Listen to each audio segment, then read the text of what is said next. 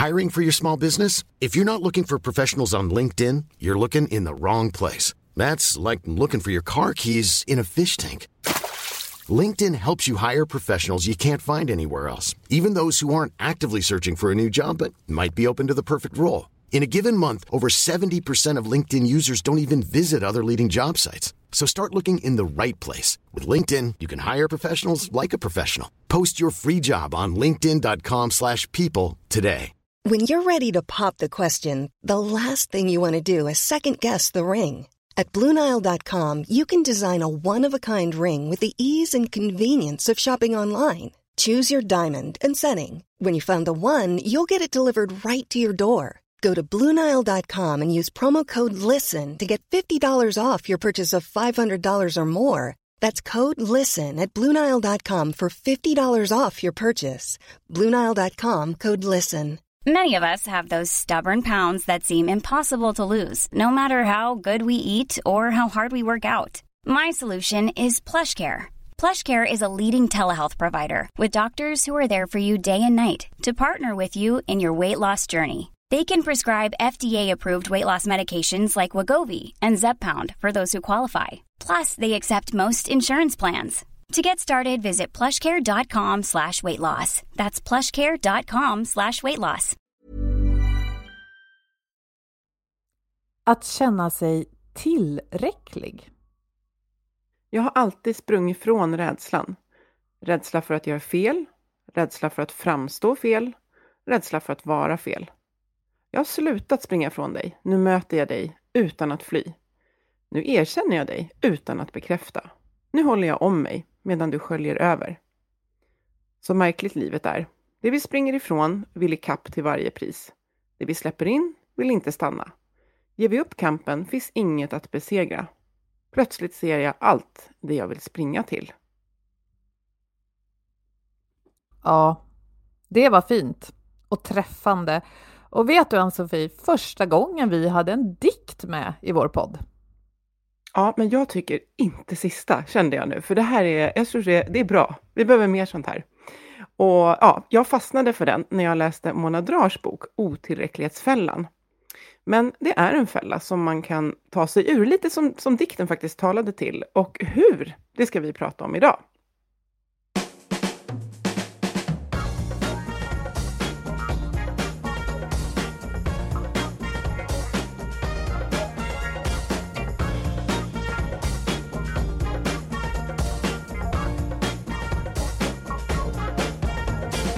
Det här är Health for Wealth. I sex år har vi poddat om hälsa på jobbet.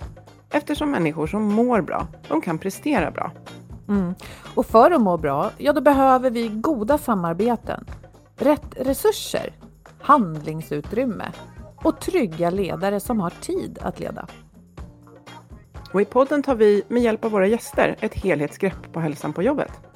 Vi är Ann-Sofie Forsmark. Jag är hälsostrateg, ledarskapskonsult och driver organisationen Oxigroup. Och Boel Stier, copywriter och kommunikatör. Det är jag. Varje vecka delar vi inspiration, idéer och tips för ett bättre och mer hållbart arbetsliv. För dig som är chef, ledare, jobbar med HR och medarbetare såklart. Vår gäst idag, Mona Drar, är psykolog sedan 2003 och debuterade som författare 2020 med boken Otillräcklighetsfällan som du läste ur alldeles nyss. Och du, Mona, är också organisationskonsult och föreläsare och jobbar mycket med högpresterande som behöver hitta just balans i att känna sig tillräckliga. Varmt välkommen Mona! Tack så mycket! Tack! Och vi håller tummarna för vi har haft utmaningar med att få till den här inspelningen och vi är så glada att vi har det här samtalet nu. Och vi vill ju prata om otillräcklighetsfällan och varför man känner sig otillräcklig. Och jag tyckte den här dikten som jag läste i början pratar ju kring det här att man inte känner att man räcker till och hör till. Och vad är det, och det här är en stor fråga, men vad är det som driver på den här känslan av att vi känner oss otillräckliga och, och pressar oss att ofta prestera ohälsosamt? Um, ja, det, det, är verkligen en, en, stor fråga och jag tänker att det finns många faktorer som bidrar. Men det som jag framförallt fokuserar på i mitt arbete och ser följderna av det är att vi vi hela tiden får, får till oss budskap om att vi inte räcker som vi är och att vårt värde inte finns i vårt varande, i vårt väsen, utan vårt värde finns i det vi gör, det vi presterar. Eh, och jag tänker att vi alla människor, eh, vårt, ett av våra mest grundläggande behov är att känna oss älskade eh, och känna trygghet. Eh, att känna oss älskade av oss själva och att känna oss älskade av andra, att tillhöra, vår samhörighet. Det, det har alltid varit viktigt för vår överlevnad. Och jag tänker att idag så lär vi oss väldigt tidigt att för att få ingå i gemenskapen, för att ha ett värde, för att få kärlek, för att vara värd kärlek, eh, så behöver jag prestera och göra. Och det blir liksom aldrig tillräckligt. Vi söker den här, det här, den här jakten på kärlek och bekräftelse och att vara en del av något söker vi utanför oss. För det är det vi lär oss idag i form av, i form av titlar, i form av makt och position, i form av ägodelar och så vidare. Um, problemet är ju att det, det, blir liksom, det är som i sociala medier, det finns ingen stopping cue. Det finns ingen som säger nu har du tillräckligt, nu, nu är du värdefull. Utan vi höjer ju hela tiden den där ribban. Och vilka är det som, för, oh, det här är också en jättestor fråga, men, men jag tänker att eh, om jag blir medveten om det här, eh, jag kanske också är en sån som, som, som driver på det här, alltså säg att jag är i en kanske ledarroll eller eh, jag vet inte, politiker, alltså vilka liksom är det som, som driver på det här, eller är det ett monster som liksom har blivit sin eget väsen på något sätt, som sker av sig självt? Jag, jag tror att vi alla är delaktiga i det här. Alltså att det här är så inbyggt i våra strukturer så att vi märker inte av det riktigt längre utan det sker. Ehm, jag kan ibland komma på att jag gör det med mina barn och det är något jag har blivit väldigt medveten om för att jag inte vill föra över det här på dem. Ehm, men jag tror att vi alla bidrar och det, det är omöjligt att inte vara med i det här eftersom det genomsyrar vårt samhälle och vår kultur. Ehm, men med medvetenhet och aktiva val så tänker jag att vi kan börja förändra det här. Eh, och förändringen börjar i oss själva först och främst. Mm. Jag, det, jag håller... Jag, ja, nej, förlåt Boel, kör. Nej, men jag, tänkte, jag ser det som, eh, även om det är jättestora frågor, så ser jag två delar här. Att när du nämner det här med eh, maktposition, alltså det kan ju vara det här eh, att, ha, att bo fint, att kunna visa upp liksom det materiella på något sätt. Jag har lyckats eller jag är okej. Okay. Eh, eller att ha rätt kläder, liksom materiella saker. Eh, men sen finns det också, som vi var inne på där, det jag faktiskt gör, alltså mm. presterar på jobbet till exempel, men också mm. presterar hemma i familjen. Är det, finns det en anledning att skilja på dem? Tror du att det är lättare eller svårare att acceptera sig själv i den ena eller, eller den andra? Ehm, jag, jag tror att du tar upp något viktigt där och jag tror att där vår identitet är mest förknippad med, där är det svårast att förändra. Alltså kanske att jag hemma inte har så svårt att liksom sänka ribban och, och, och dra ner på mina krav på mig själv. Det är möjligt. Det är kanske på jobbet som min identitet sitter mest. Att där är jag en högpresterare, där tillhör jag den här gruppen. Och då kommer det vara svårast att börja förändra där. Så, och det är ju också Eh, så, så, det beror på, det här handlar ju om vår identitet eh, ytterst. Vem är jag? Hur vill jag se mig själv? Vem vill jag vara i världen? Och vad tror jag kommer ge mig kärlek och samhörighet i världen? Ehm, så, så, så, jag skulle säga att det kan vara väldigt olika. Vi kan vara högpresterare inom en sfär och inte alls inom en annan. Vi kan vara en högpresterare inombords gentemot oss själva och att det inte syns utanför oss. Så, så det, det, det är väldigt subtilt det här och det är bara man själv egentligen som kan titta och, och, och bedöma det här. Men för jag tänker att det materiella, jag, jag skulle tro att det är lättare att få syn på. Att om jag tittar på mig själv och ser att jag jagar, ja vad det nu är, de här kläderna, det här huset eller har råd med massa semestrar, så kanske det ändå är en väldigt konkret fråga om budget och att, att, att vi idag också kan tänka att vi förstör planeten genom att bara mm. konsumera. Mm. Att det kanske är mm. lättare där att hitta hem och tänka så här, nej men det är okej som det är. Det är okej ja. att jag har vinterstövlar som är tio år gamla, för jag tycker de är snygga. Jag vet inte, men personligen kan jag i alla fall känna att det är svårare med prestationen, för det går inte lika lätt att ta på, eller vad säger ni? Ja, jag håller med och jag vill också knyta an till det Boel och säga att um, det här är en jakt efter någonting men det är också lika mycket en flykt ifrån någonting. Mm. Och där, den Sofie, eh, Ann-Sofie, den dikten du valde att läsa handlar ju just om det. Så mycket av våra beteenden och det vi manifesterar i det yttre som handlar om att fly från någonting inom oss. Som i mitt fall har det handlat väldigt mycket om att fly från rädsla, från skam, från utanförskap. Och, och i det har, jag, det har drivit mig till prestation, till överprestation och till slut att det inte höll längre för mig. Um, så jag tänker att det är viktigt att säga att det är både vi vill till någonting men vi vill också ifrån någonting. Men precis som det står i den här dikten, när, när det här att fly någonting är det som tar upp väldigt mycket av min, min tid och kraft så kommer jag heller inte hitta till det jag verkligen vill till. Det som lockar mig, utan jag kommer drivas av rädsla och det mörka. Och det blir Även om det, man kan prestera väldigt bra genom att drivas av rädsla och utanförskap, det vet vi många exempel på, så blir det inte det här allra sista, det där mest fantastiska. För det är när vi skapar utifrån glädje, från överflöd, från, från liksom lusten att få ge någonting till världen och bidra. Det är någonting annat.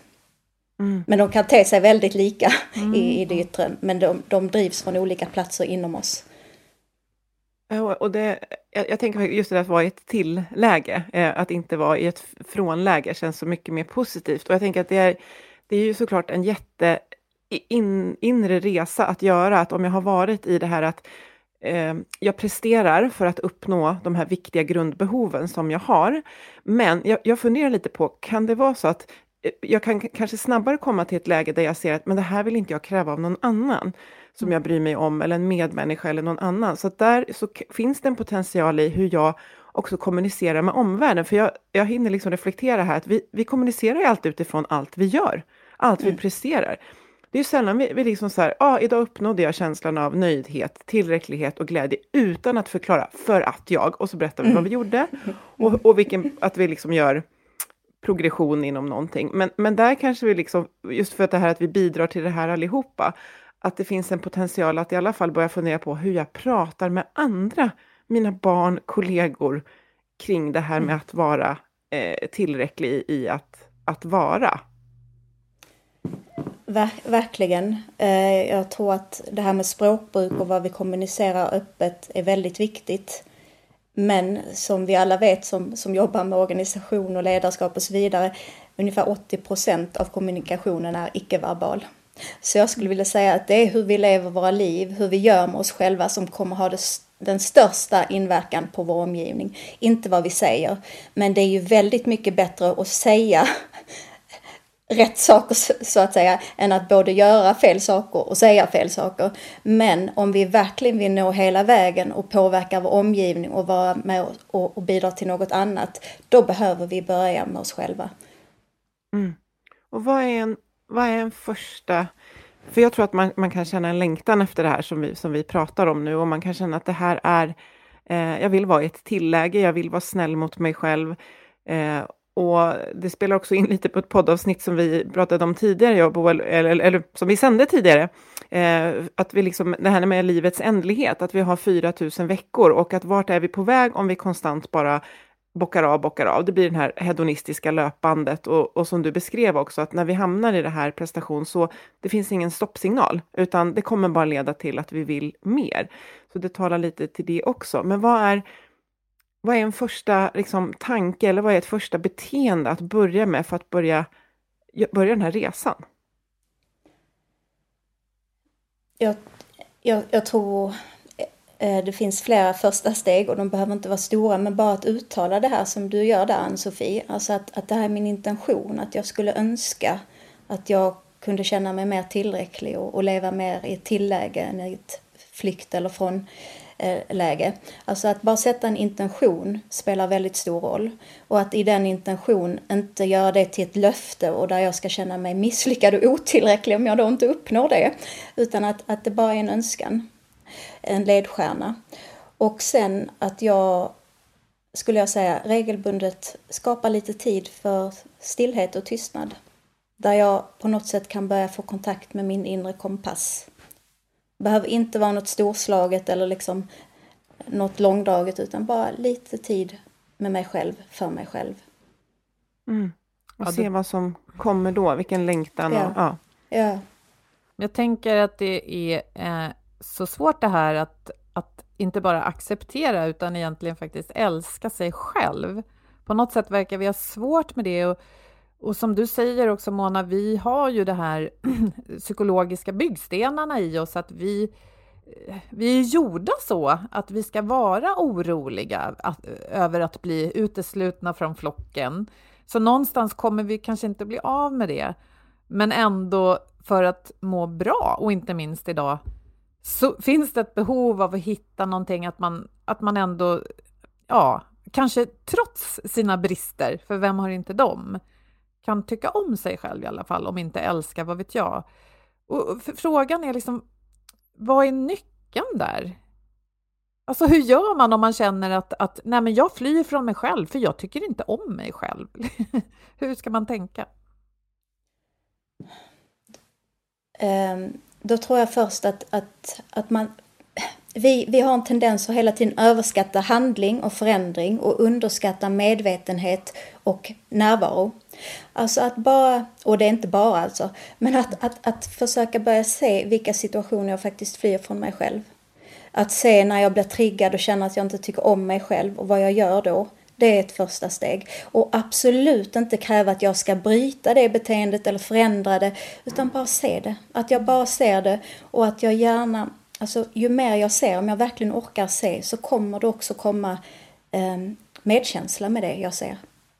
Eh, att se är så värdefullt och det är enda sättet för att verkligen kunna skapa djupgående förändringar. Och de förändringarna har en tendens att ske av sig själv när vi verkligen ser med öppna ögon. Vi behöver inte göra så mycket utan det kommer av sig själv. Men det kan hända att vi behöver se det här i kanske två år mm. innan det börjar ske något. Och det får vara så. Istället för att jag tvingar mig, nu ska jag göra det här eller nu liksom bryta och, och bli hård och krävande. Medvetenhet är nyckeln och det öppnar upp för något annat. Vad intressant. Om, om vi eh, går till jobbet, för det är ju jobbet vi poddar om, så jag vill dela med mig av eh, en grej som jag var med om när jag var ganska ung, 19-20 år, och jobbade på restaurang. Och så under en kort tid så hade vi en kock, en kocktjej som var rätt cool på sitt väldigt egna sätt. Och jag minns någon gång när vi pratade om något som kanske var stökigt eller hade varit stökigt på jobbet. På restaurang kan det ju bli så här att det blir väldigt intensivt och alla ska ha någonting samtidigt och det är något som är slut och ja, ni fattar. Och då sa hon så här bara, ja, man gör så gott man kan. Och så sa hon det med en sån självklarhet och ett sånt lugn och hon var liksom så helt ocool, så den här bilden av henne när hon säger det har jag tagit med mig, för den gav mig en känsla av att, ja just det, det är ju inte svårare än så. Så ja, jag vill bara dela med mig av den. Mm. Jag har också eh, Brené Brown, som många gillar och, och, och är liksom eh, ja, citatmaskin, för, förutom allt annat som hon gör. Men hon har också, där hon säger att jag är inte här för att ha rätt, jag är här för att, eh, alltså, get it right, alltså få till det rätt. Och den kan jag också tröstas av ibland, när jag just känner en otrolig otillräcklighet. Eh, ja, men, då, och det har lite med det som, just att jag sätter en intention. Men då, då lägger jag min liksom, tankekraft i att nu ska jag rätta till det här. Eh, istället för att nu är allting fel. Nu ska jag försöka rätta till det här. Mm. Eh, och det, eh, det hjälper mig i alla fall att, att liksom bli lite, ja men det är ju, det är ju ett tilläge. Så. Men, men wow, nu måste jag, eftersom vi har poddat i sex år så vågar jag utmana dig lite där Ann-Sofie, för jag kände ändå att mm. det du sa nu handlade mm. om fel. Och, och, och ibland ja. gör vi fel på jobbet. Alltså ibland är vi inte där vi vill vara, ibland gör vi jättemisstag och liksom kliver ja. fel. Men, men jag tänker också att, för det du verkar skriva om här nu, Mona, jag har inte läst din bok, det är ju hur vi hittar det här lugnet i att både den dagen när jag gör bra på jobbet och den dagen när jag gör dåligt så har jag gjort det jag kan. Och det, det är faktiskt gränsen för vad jag kan göra. Nej. Nej. ja, nej. Nu, får jag, nu får jag gå emot dig Boel, fast vi inte har poddat i sex år. Ja, gärna. Underbart. för, ja. för jag tänker att um, det jag vill säga med min första bok, men framförallt min andra bok, Uppvaknandets tid, det är att eh, ditt värde sitter inte i vad du gör. Ditt värde, din känsla av samhörighet, eh, källan till kärlek, ovillkorlig kärlek, den finns inom dig. Den kommer du inte hitta i den perfekta prestationen eller i det perfekta huset eller bilen. Det kan vara väldigt härligt att ha det och jag har inget emot att vi har det. Jag vill själv ha ett vackert hem till exempel. Men jag tänker inte längre att det kommer fylla det behovet av kärlek och gemenskap, för det har jag inom mig. Och min samhörighet och känsla av tillhörighet bär jag inom mig. Mm. Oavsett vem jag träffar och var jag bor. Eh, men jag väljer att vara med vissa människor för att de får mig att, att känna mer samhörighet än andra kanske. Men den här källan finns inom mig och det är den som är så viktig att vi försöker börja knyta an till. Mm. Det, det, mm. är budskapet eh, som, som jag vill säga. Så, och, och, jag får respondera på det där med att ha fel, för, jag, för det är mer det här att att, att, när jag känner att nu måste allting vara helt perfekt, nu måste det här bli alldeles perfekt, så blir det istället, vilket ibland, ja, men det kanske är lite mer eh, att ha ett growth mindset, att jag tänker att eh, nej, men nu ska jag försöka göra det här så bra som möjligt. Jag ska försöka liksom get it right, och right innebär inte perfekt då, utan nej. att det är mer det jag är ute efter där. Det är inte att säga nu blev det här helt fel, utan att eh, det, det, det tar pressen av att det ska bli perfekt. Men jag är ju fortfarande kvar, hör jag ju själv när jag säger det, i ett görande och ett presterande, såklart. Men det, jag tycker det är intressant det här när vi säger att nej men vänta lite, det var jätte, jättekul ögonblick därför att precis som du säger Mona, vi fastnar lätt i det vi gör. Eh, och vi behöver kunna tycka om oss själva för de vi är. För det, det är vi. Alltså, vi kan förändras i livet, men vi är det vi är. Men samtidigt, och det är det här jag tycker är intressant, på jobbet så är vi där för att göra mm. saker. Och vi blir bedömda för kvaliteten i det vi gör, rättvist eller inte rättvist. I vissa mm. fall får vi liksom möjlighet att utvecklas, i andra fall inte. Men alltså, det, det, är en svår balans, men jag skulle önska att jag kunde komma till jobbet, och ibland kan jag det, med den här känslan som kockan jag pratade om, att hej, jag är här nu. Jag gör allt jag kan och jag gör det jag kan. Men det finns också en gräns. Mm. Verk, verkligen. Och, och, jag tänker att vi, vi har nog alla haft turen att träffa på en sån som den här kockan. Och vilken otrolig, vad viktiga de är. På en arbetsplats, i andra sammanhang. Alltså vilket lugn de sprider, vilken inspiration. Man kommer ju ihåg dem. Eh, och jag tänker att jag tror den här kockan har också i sig att hennes värde sitter inte i vad hon gör. Och därför kan hon vara så lugn i det hon säger. Mm. Så jag, jag håller verkligen med dig. Vi är på jobbet för att prestera och göra vårt bästa och bidra. Men om vi gör det från en plats där vi liksom känner att jag, jag har en samhörighet, jag är självklar och accepterad och älskad då kan jag ju också prestera på ett sätt som inte blir lika laddat. Om jag till exempel får feedback på att det där du gjorde där blev inte riktigt bra Mona. Det kommer ju liksom inte drabba mig i själen och liksom knäcka mig utan okej, okay, ja det är sant, jag behöver göra på ett annat sätt nästa gång och så vidare. För jag vet ändå att liksom, det här förändrar inte min tillhörighet. Mm. Så, så, så, det blir en sån att, att då allt utöver den känslan blir en bonus och det, det liksom tar oss inte på det sättet som det annars kan göra. Om jag tänker att min identitet finns där på jobbet och det är där jag skapar min, mitt värde och det som kan göra att jag blir älskad och accepterad, då blir det ju fruktansvärt laddat. Eh, och, och, och, då är det lätt att säga att det blir inte bara bra av det utan det, det, kan, det får många negativa konsekvenser.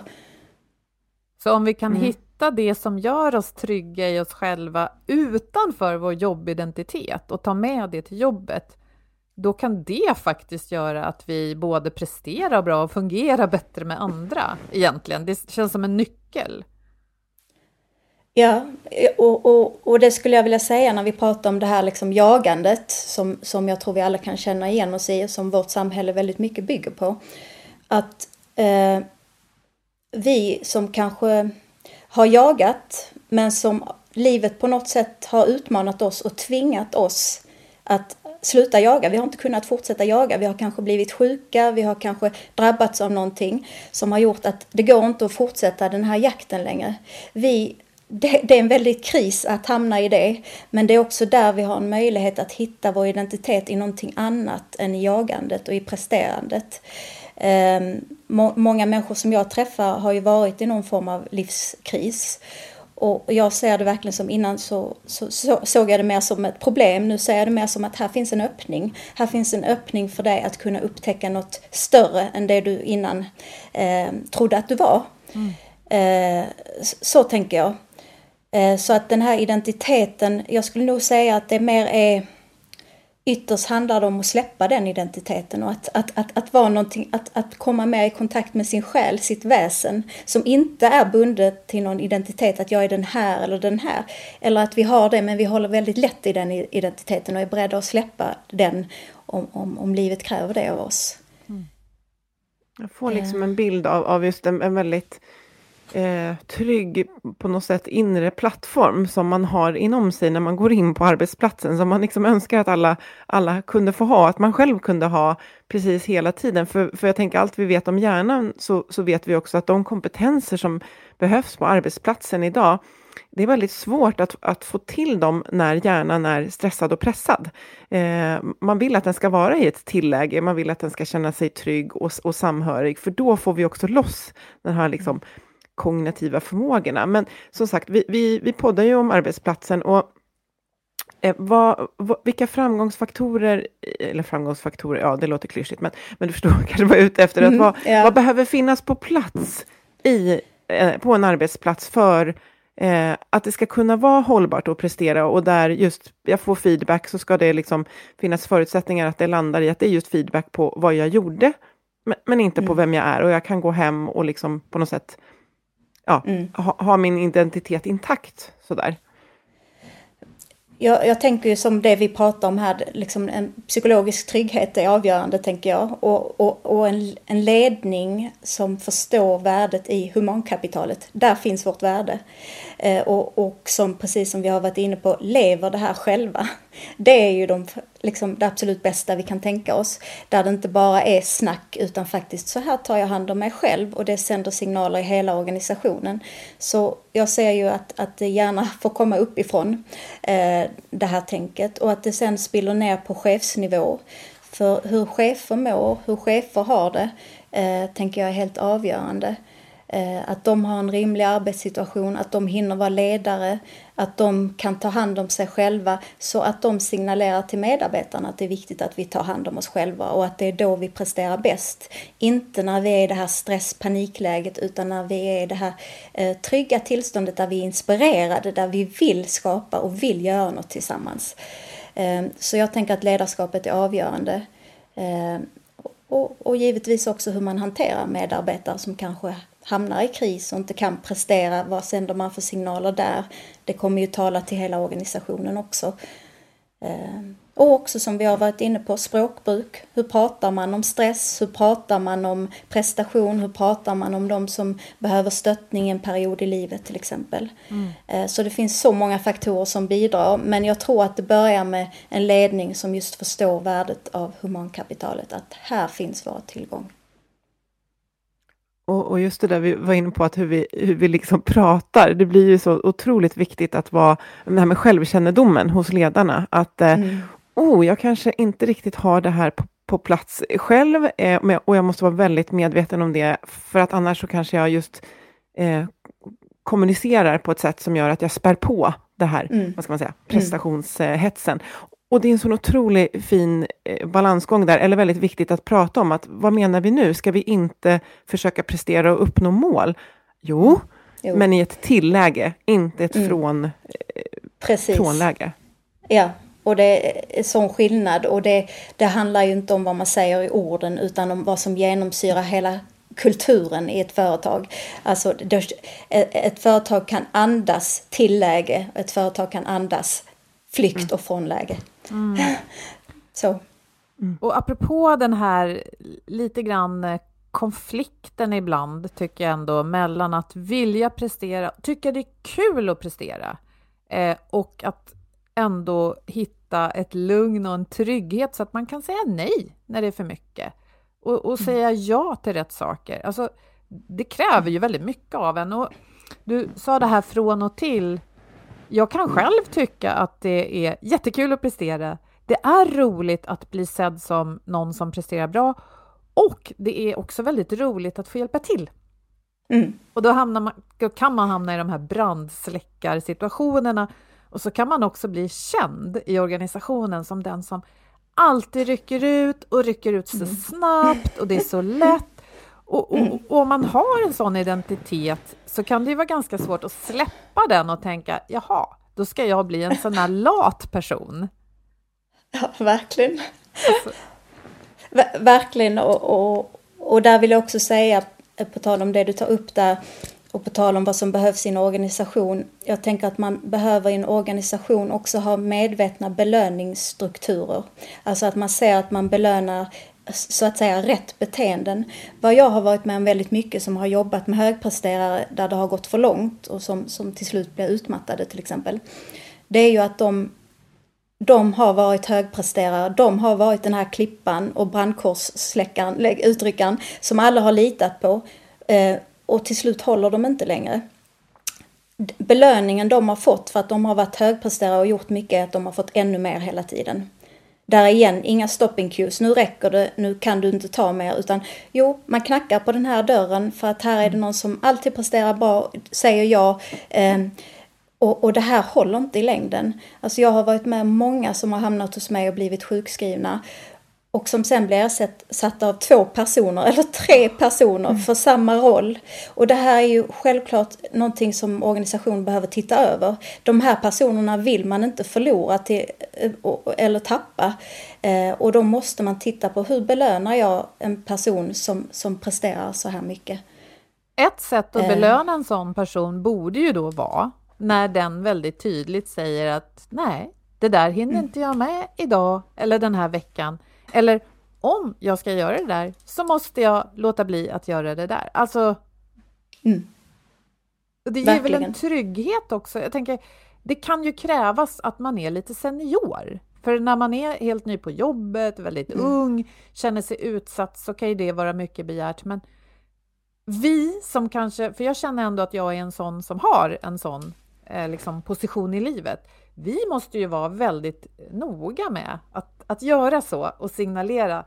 För det är ju också trygghet som den här kockan. Så här är det och så här är det mm. inte. Liksom. Mm. Och det handlar igen också om att chefer behöver ha en rimlig arbetssituation. För om jag är till exempel en mellanchef som är väldigt pressad från båda håll, eh, då är det givet att jag går till den som lättast tar på sig jobbet. För jag har själv så mycket, så jag behöver bara få det där gjort också. Men har jag en rimlig arbetssituation, då är det mycket lättare för mig, tänker jag, att också titta över hur ser arbetssituationen ut för mina medarbetare och är det här rimligt egentligen och så vidare. Men när liksom det är det här att alla är i ett pressat läge så blir det ju bara mer och mer press. Eh, och, vi, och vi bara gör istället för det här att ta ett steg tillbaks, medvetenhet, hur ser det ut här egentligen, vad är rimligt? Det är ju lite, jag tänker när vi pratar om individen så uppmanar vi till det här stund, eller du uppmanade till stund av stillhet och tystnad för att liksom se vad som kommer då. Alltså, jag som också jobbar mycket mot organisationer, jag önskar också att man knuffade in, att man tvingades att tänka, vänta, tänk nu ett varv till i lugn mm. och stillhet och vad kommer vi fram till då? Eh. För då, då blir det oftast eh, någonting oftast mycket klokare än den här liksom rygg, ryggradsreflexen som ofta blir. Verkligen. Och inte minst tänker jag när man till exempel firar någon framgång, det har gått bra.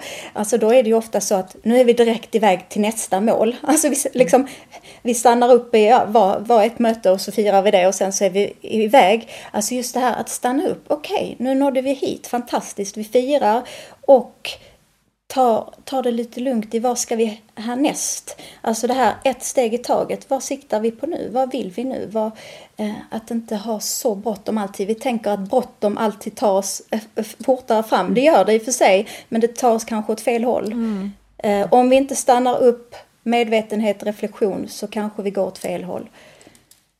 Och att, jag, jag tänker det är svårt att ta sig ur ekorrhjulet, det är svårt att ta sig ur alltså det kan också vara väldigt svårt att hitta den här kärleken till sig själv och eh, att tycka att det ska vara högprioriterat. Men jag vet att du också, vi reflekterade eh, före den här inspelningen Mona, och, och du berättade vad som hände hos dig när du såg dig själv ur dina barns ögon. Vill du berätta om det? Mm. Ja, eh, nej men det, det, vi pratade och eh, det som kommer fram i min bok Otillräcklighetsfällan är ju att jag själv varit utmattad. Och ehm, jag vet att ni frågade mig, det, finns det något som skulle kunna ha förhindrat det? Vad hade du behövt? Och, och, då sa jag ju att inte mer kunskap, för den hade ju jag. Jag har ju suttit med utmattade i snart 20 år. Eh, och det är väldigt många av oss psykologer som blir utmattade, eller många av oss faktiskt, som har kunskapen. Men det jag tror, det enda som möjligen hade kunnat stoppa mig, det är att, att verkligen förstå och bli medveten om vad jag förde vidare till mina barn. Um, det var ju det var ju det absolut sista jag ville att de skulle få med sig. Att ditt värde sitter i vad du gör. Ditt värde sitter i hur duktig du är. Ditt värde, eh, det du gör är så viktigt att, du ska, att, att det är värt att köra över dina behov och din kropp. Eh, hade jag förstått det så som jag förstår det nu, då är det möjligt att jag hade gått och hejda. Mm. Eh, så när man... Jag, jag, jag, ja. mm, Nej, men jag tänker att, att, nej, men att då hade, det hade gett dig kraft att kunna dra i nödbromsen för att det var för någon annans skull, de som ja, betyder mest ja. för dig. Ja, ja. Och det är ju märkligt alltså, att vi ska behöva barn för det. Nej, men alltså, det är en fin mm. bild också, tänker jag, att eftersom vi inte riktigt alltid värderar våra egna behov så högt, Nej. så blir det ju en, en, stark bild och alla har inte barn, men man kan också tänka vad skulle jag vilja att mitt liv mm. och det sätt jag lever det på skulle lära ett par barn om jag hade dem? Ja, eller vänner och kollegor. Jag tänker så här, nu bara kom det upp en fråga, men tänk om man skulle ställa frågor till sina vänner och sin omgivning på det sättet som jag liksom kommunicerar kring vad jag gör, både då som vi säger verbalt, får, får det dig att känna dig mer eller mindre tillräcklig? Alltså den är, uh! Ja, att liksom, jo, nej, men jag känner ofta att du, du gör så himla mycket och det får mig att, ja men då vill jag, då vill jag faktiskt tänka till kring hur jag gör, både in, inför mig själv, eh, men också få hjälp av att jag också förstår att det jag gör påverkar andra, som vi alltid liksom, ja. ingår i ett sammanhang. Och, och hur vi där ofta verkligen sänder ut något vi inte menar, tror jag, som vi inte är medvetna om, för att vi i stunden vill Ja, men till exempel vi, när vi ska ha våra vänner över. Vi vill liksom ha fint hemma, vi vill bjuda på något jättegott. Och jag var kanske för trött för att liksom gå och handla och göra den där fina middagen och städa. Men jag gjorde det liksom för att jag vill så gärna. Um, och, och, vad det egentligen då blir för långsiktiga signaler till dem, det är att man kan bara bjuda hem när det ser perfekt ut och när vi bjuder på något riktigt gott. Liksom, annars är det inte värt något. Och det är ju inte det, vi vill ju ha samhörigheten. Mm. Så så ja. ofta det vi gör är inte det vi verkligen menar. Och jag skulle vilja säga det här med, med våra behov, att vi kör över dem. Jag tror faktiskt att väldigt, väldigt många av oss inte vet vad vi har för behov.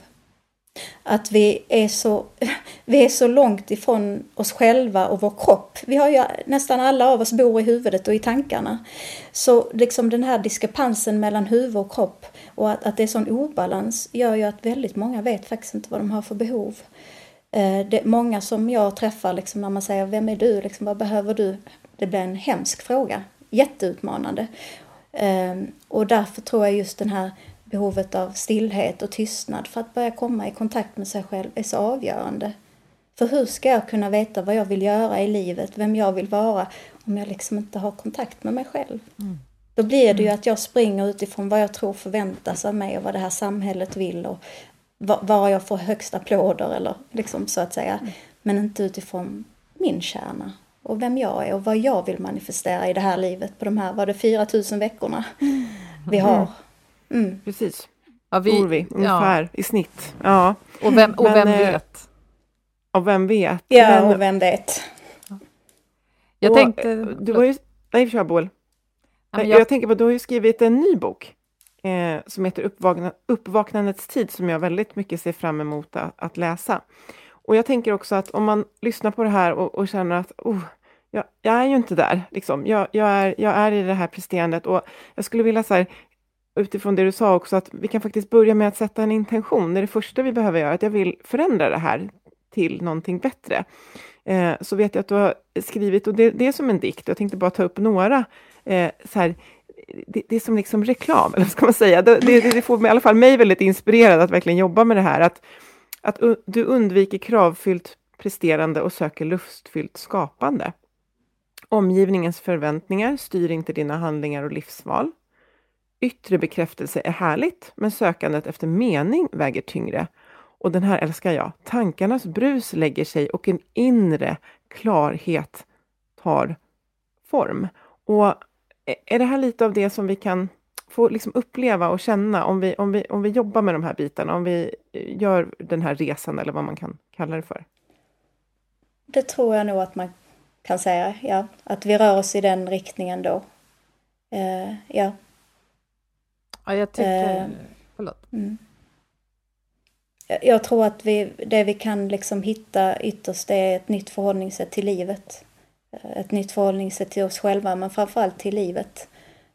Där vi, vi lever på ett annat sätt, inifrån och ut istället för utifrån och in. Och, och då kommer allt det här på köpet, liksom, på, på olika sätt i olika former för oss.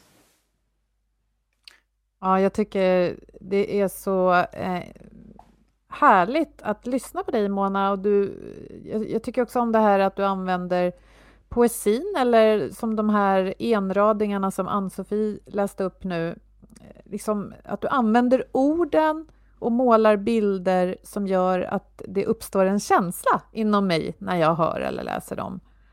Och jag vill ta två till om jag får, för jag tycker om dem. Rädsla för framtiden förvandlas allt mer till tillit i nuet. Och så den här tror jag också jag ska välja en till. Du rör dig från stress och spändhet till stillhet och förundran. Och det jag tänker när jag liksom läser de här igen, det är också, och det du sa nu, det är att leva eh, inåt och ut istället för utåt och in. Det tar, om man känner sig skrämd från att, ja men ska jag nu inte få göra massa saker och prestera? Jo, fast du gör det inifrån och ut istället för utifrån och in. Så det kanske liksom slutar med att jag, jag gör ungefär det jag gjorde tidigare, men jag är i ett annat tillstånd. Jag är i ett inifrån och utläge nu i mitt liv istället. Och den gillar jag, den känner jag att jag kan kroka i utan att liksom utmana mig själv faktiskt för mycket, så känns den så här, ja men jag, jag fortsätter min dag idag, men jag är i ett inifrån och utläge istället. Mm. mm. Absolut, det här handlar inte alls om att släppa prestation och allt liksom, att, att, att, att äh, tvärtom. Det, det, alltså, det är bara för er att upptäcka, om man, liksom, alltså att det blir bara mer och mer av det, men det kommer från en annan plats och det är utan ansträngning. Det blir liksom ett... Det blir på ett annat sätt. Och världen kommer få så mycket, eh, fortsatt så mycket av det och mycket, mycket mer. Och det kommer vara det du vill ge, inte det världen efterfrågar. För du kanske har något att ge som du, du inte visste att du hade och som världen inte visste fanns. Mm. Eh, när du eh, kreerar och lever från den här platsen inifrån och ut. Det förändrar faktiskt precis allt. Mm. Ja, fantastiska Maffigt. ord. Jag känner ja. att där rundar vi av. det finns alltid mer att säga, men jättefint samtal Mona. Tack så hemskt mycket för att du kom. Ja, tack. Tack, tack. Tusen tack. Vår samarbetspartner Motivation.se har en fin artikel som vi gärna vill dela med oss av den här veckan. Och den handlar lite på temat idag om att hitta en nyckel för personlig utveckling och vara snällare mot sig själv. Vi länkar till den i det här poddavsnittets inlägg förstås. Ja, och med det så tackar vi Mona och vi tackar våra samarbetspartners Motivation.se och så tackar vi Agda Media för den här produktionen. Vi vill så gärna höra vad väckte det här för tankar och känslor hos er, det här samtalet. Så följ och prata med oss gärna på LinkedIn och säg hej och så hörs vi om en vecka igen. Må så gott! Hej då!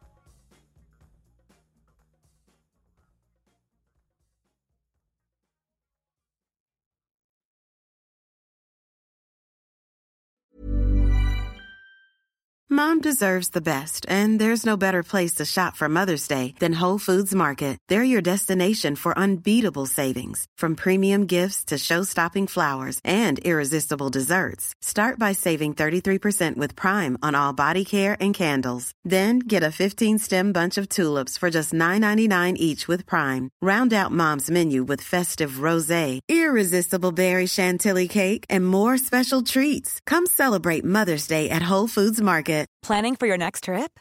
Elevate your travel style with Quince. Quince has all the jet setting essentials you'll want for your next getaway, like European linen, premium luggage options, buttery soft Italian leather bags, and so much more. And is all priced at 50 to 80% less than similar brands. Plus, Quince only works with factories that use safe and ethical manufacturing practices.